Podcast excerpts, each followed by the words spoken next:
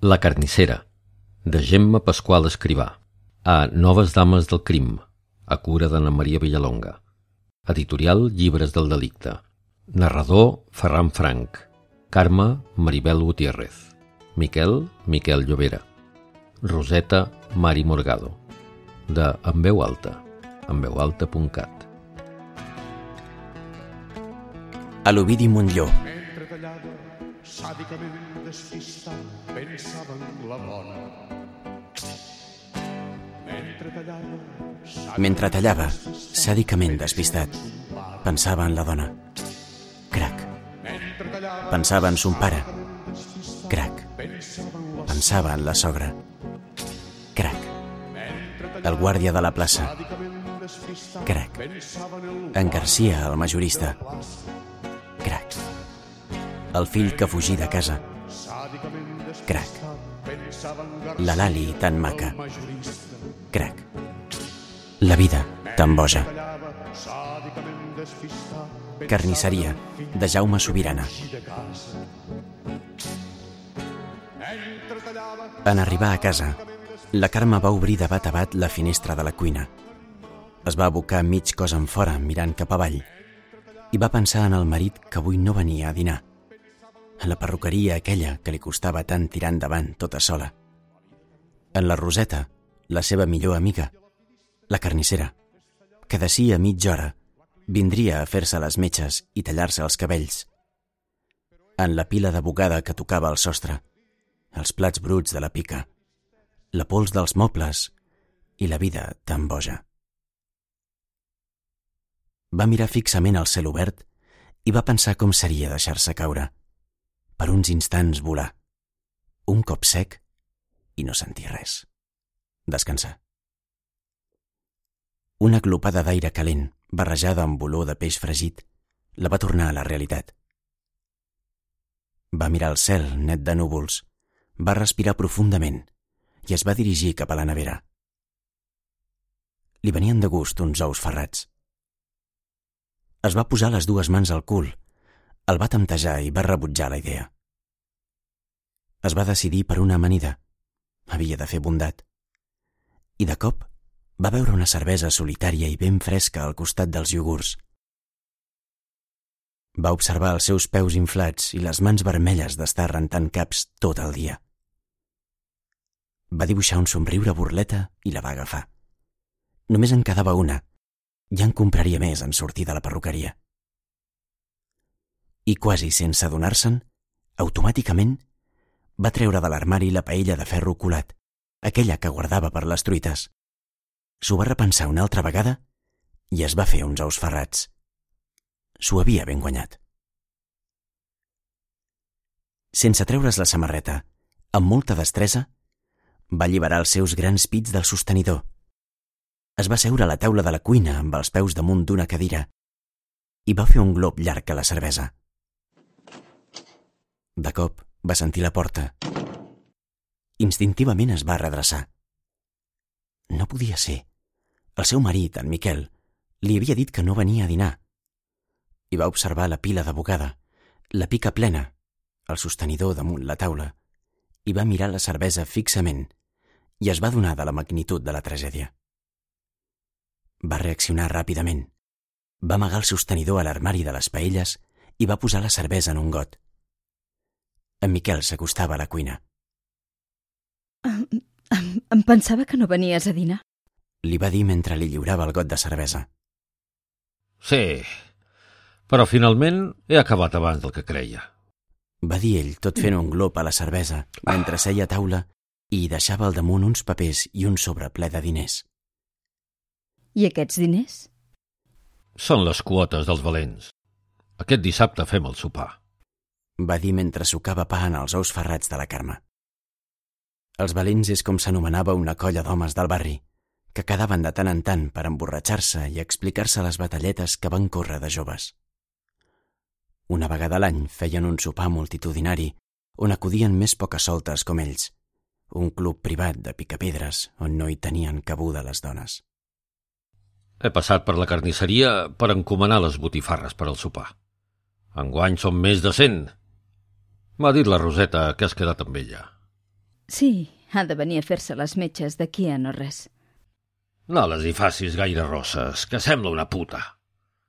Aquesta dona no s'adona que ja té una edat. Hauria de vestir més discreta. La Carme va estar a punt de respondre-li. La Roseta era una dona atractiva. Només era un parell d'anys més gran que ella. I semblava molt més jove. Li agradava anar a la moda, ben al contrari que la majoria de les seves clientes, en la major part jubilades que encara tenien l'hàbit de pentinar-se els cabells el divendres o el dissabte. Amb elles tot eren rulos i molta laca. Però va preferir callar. Se sap res del marit? En Miquel encara no havia acabat amb la carnissera. L'home de la Roseta va desaparèixer feia un any sense dir res. Va buidar el compte corrent i va deixar la dona amb un pam de nas. De seguida va córrer de boca en boca que se n'havia anat amb una noieta. No. Aquest sí que era un valent, de veritat. Agafar el portant amb una tia de bandera. Ep, i amb les butxaques ben plenes. La Carme no va dir res. Estava plantada rentant els plats, mentre observava com en Miquel es menjava el seu dinar i es bevia la seva cervesa. També he anat al celler a encomanar el vi. M'ha dit en Roc que vol ampliar el negoci, que està buscant un local per aquí, al barri. Hem estat parlant. La perruqueria seria el lloc ideal. La Carme fregava la paella de ferro colat nerviosa. He quedat amb ell perquè vingui a veure el local demà. La meva perruqueria? Va preguntar la Carme arrufant les celles i amb cara de sorpresa. Sí, podríem treure uns bons calarons. Ens fan falta. Ja saps que vull comprar-me un altre cotxe.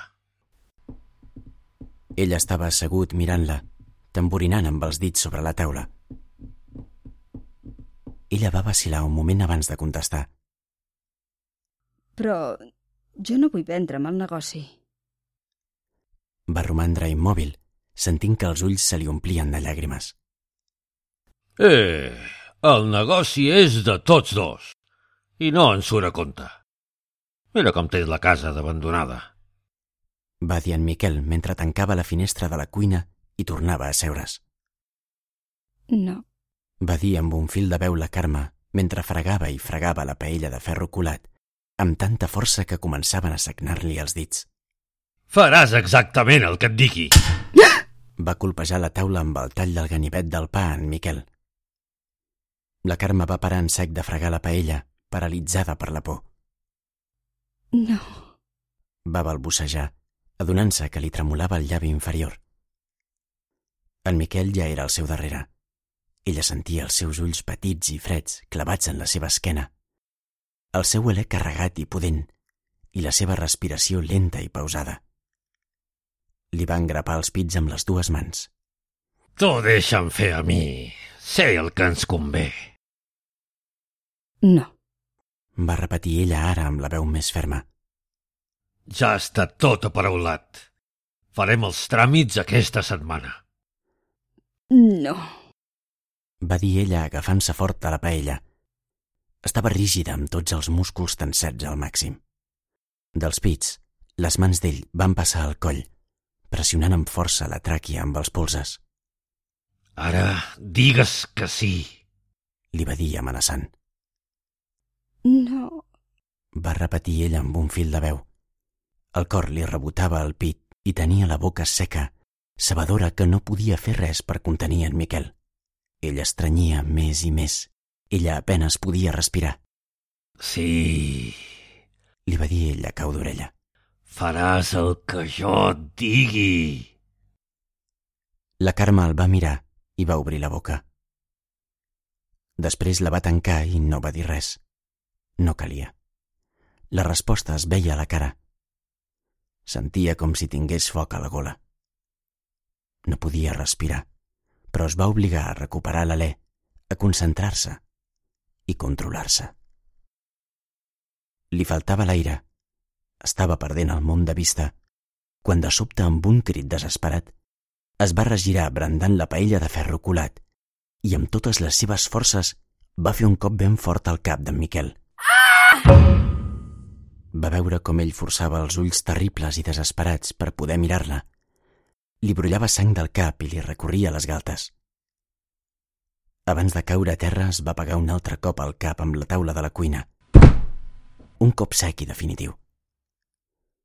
Es va retorçar, va tenir una convulsió i va quedar inert, amb els ulls oberts i freds. La Carme, eslaiada, va ofegar un crit mentre observava el cos d'en Miquel estirat al terra de la cuina, encara amb la paella a la mà. L'havia agafada amb tanta força que no podia desfer-se'n. Amb por, el va tocar tímidament amb el peu. Semblava que no reaccionava. Es va jupir i es va donar que no respirava. Tremolava amarada de suor. No s'havia donat que plorava fins que va sentir les galtes calentes i humides. Va restar uns moments paralitzada. Després, sense esma, va agafar el mòbil amb la mà que tenia lliure. Havia d'avisar una ambulància. I de cop es va aturar. Va veure la seva imatge reflectida en els vidres de la finestra. El coll li anava canviant de color, de vermell a morat. Va mirar l'hora i va pensar que havia de fer les metges a la Roseta. Va deixar anar la paella. Es va posar un jersei de llana de coll alt en ple mes de juliol. Va agafar les claus i la bossa de mà i va sortir per la porta. La Roseta parlava i parlava envoltada amb una capa de plàstic de color verd i una tovallola blava als muscles, mentre la Carme intentava mantenir la calma i fer bé la seva feina. Centrava la seva atenció en ella, li estenia el tint pels cabells i els embolicava amb cura amb paper de plata. De sobte, la Roseta va observar en el mirall la imatge reflectida de la Carme amb les tisores a les mans tremoloses, intentant tallar-li els cabells embolicats amb la plata. Es va aixecar d'una revolada i li va aturar de cop. I llavors es va donar del jersei de llana de coll alt que amagava sota la bata blanca lligada a la cintura, dels ulls plorosos i la cara desencaixada de l'amiga. Què passa? Estàs bé? Li va preguntar mentre li treia les tisores de les mans. La Carme es va dirigir cap a la porta de la perruqueria. Va rodar la clau.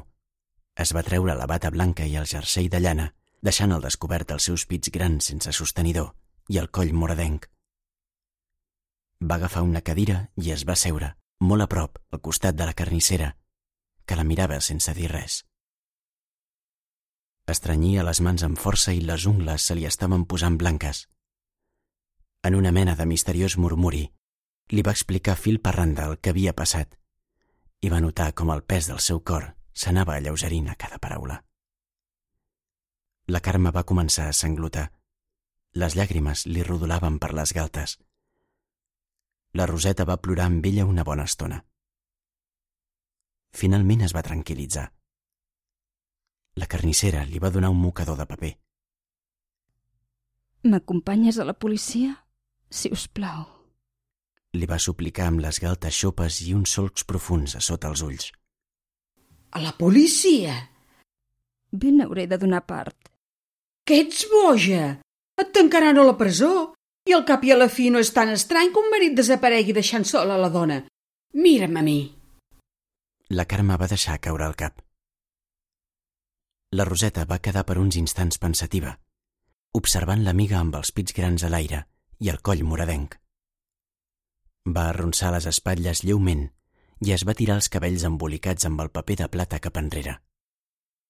No facis res. Intenta fer vida normal. Quan tanquis la perruqueria, passa per la carnisseria i anirem a ca teva.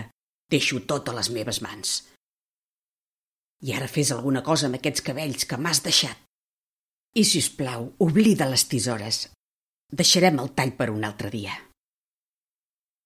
La Carme va obeir sense dir res. No podia fixar les idees. El cap li anava com unes devanadores. En arribar a casa, en Miquel continuava estirat al terra.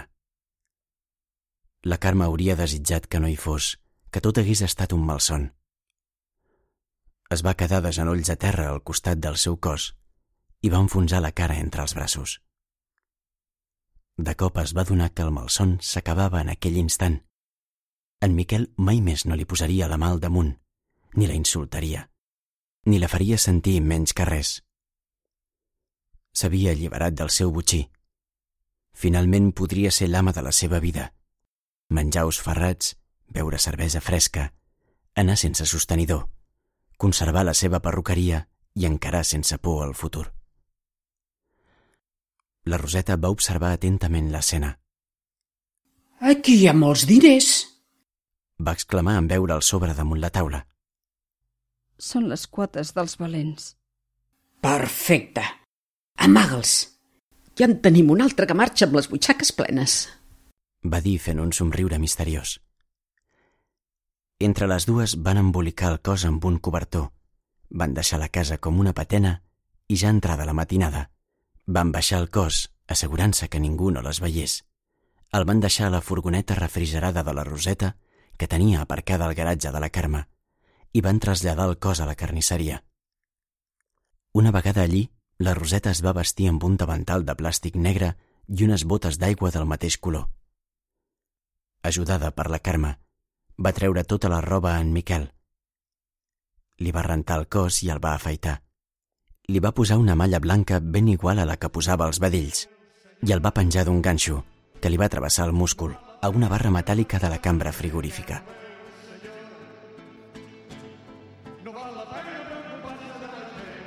Ja ho veus, Carme. No val la pena preocupar-se de la gent. Aquí tenim botifarres per cent.